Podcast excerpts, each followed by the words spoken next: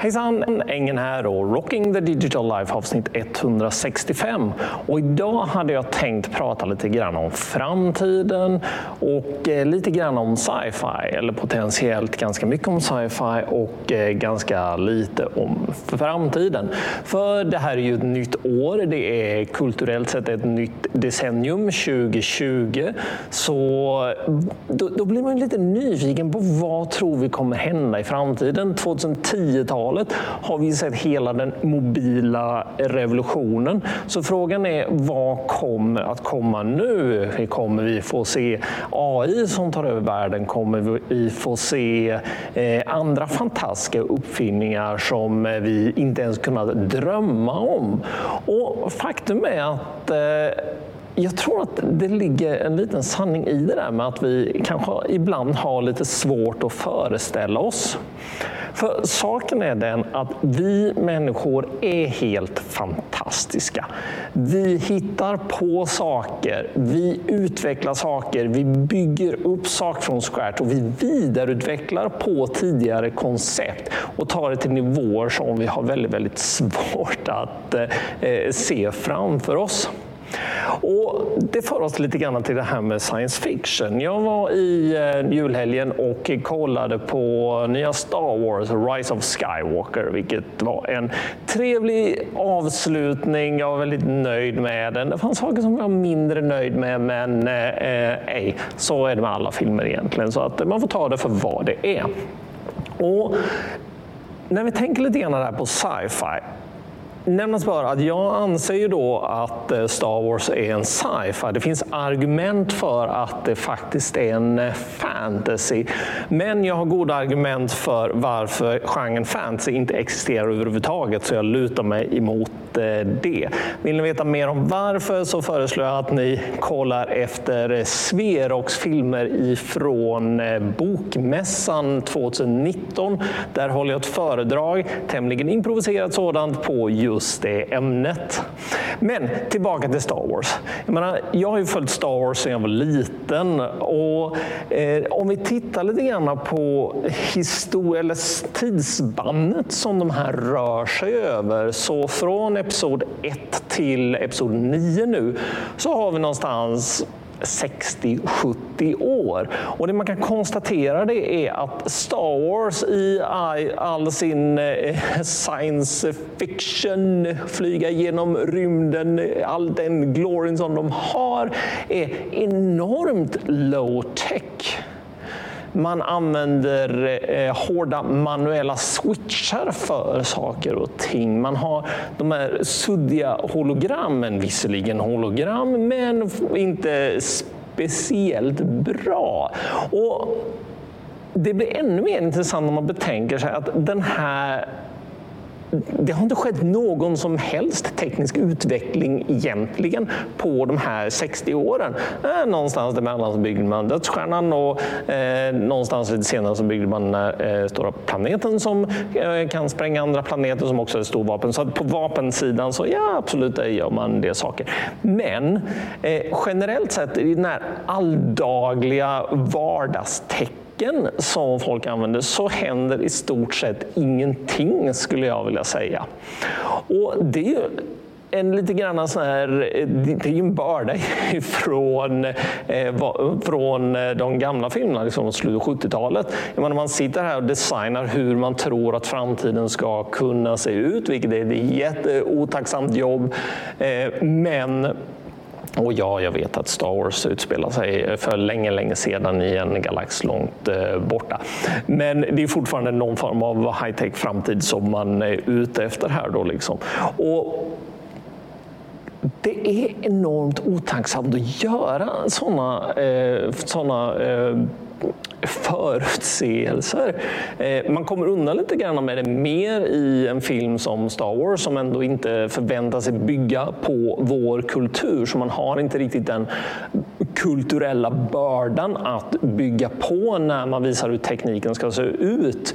Men fortfarande så eh, utgår man ju ändå någonstans från hur ser saker och ting ut eh, nu?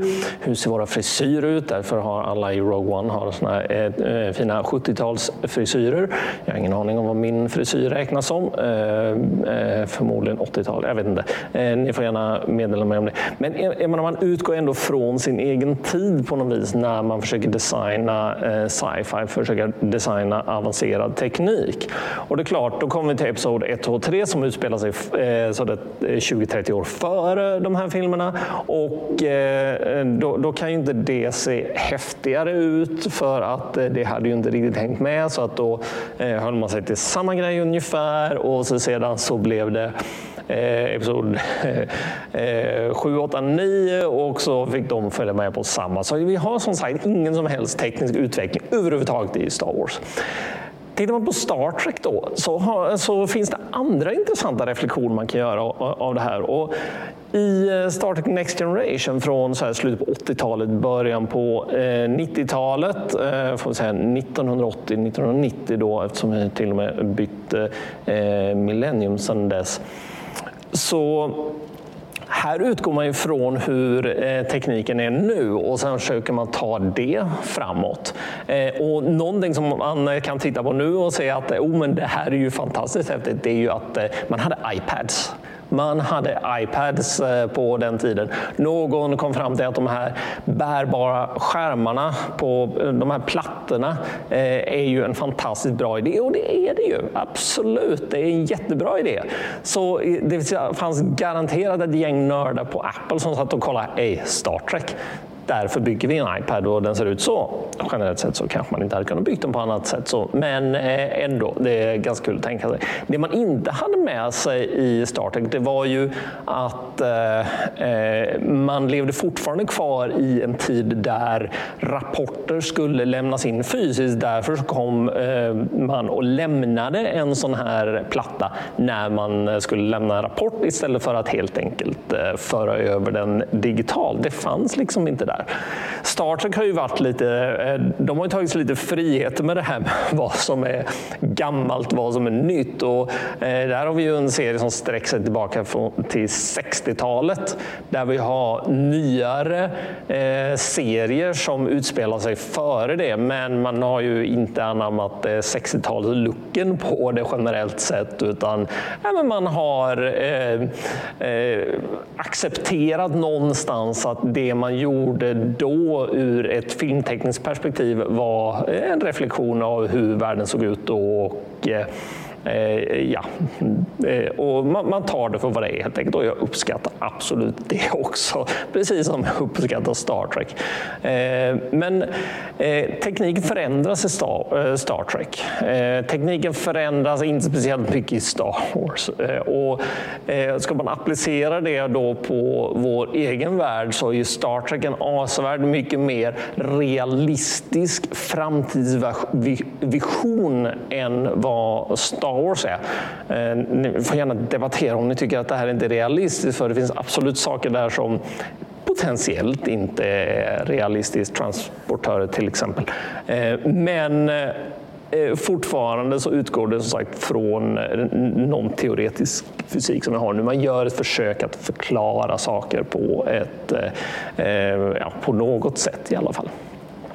Så hur applicerar det då för oss? Jo, vi kan konstatera att hitta på hur framtiden ska se ut är enormt svårt. Man kommer förmodligen inte få det riktigt rätt. Så att sitta här och spå nu om vad de närmaste 10, 20, 30 åren, vad vi kommer kunna se för utveckling där, är precis lika svårt det.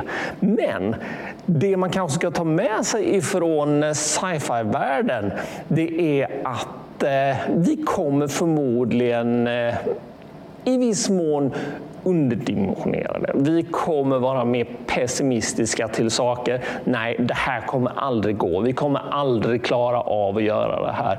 För jo, förmodligen kommer vi kunna göra det så länge det inte handlar om saker som bryter mot eh, eh fysikens lagar som det här med att resa snabbare än ljuset och sånt. För det har vi någon, ja, det har vi bevisat att vi inte kan, så det kommer vi förmodligen inte göra heller. Anyway, eh, ha, hoppas att alla har haft ett fantastiskt nytt år. Och det här var Rocking the Digital Life. Ni hittar det live på, nej ni hittar det inte live på Facebook längre, men ni hittar det på Facebook. Ni hittar det på Youtube, ni hittar det på ställen där ni hittar podcast. Så är det någonstans där det inte finns, där ni tycker att det borde finnas, hör av er till mig så ska vi se vad jag kan göra åt det. Ha det fantastiskt bra så hörs vi igen på tisdag. Hej!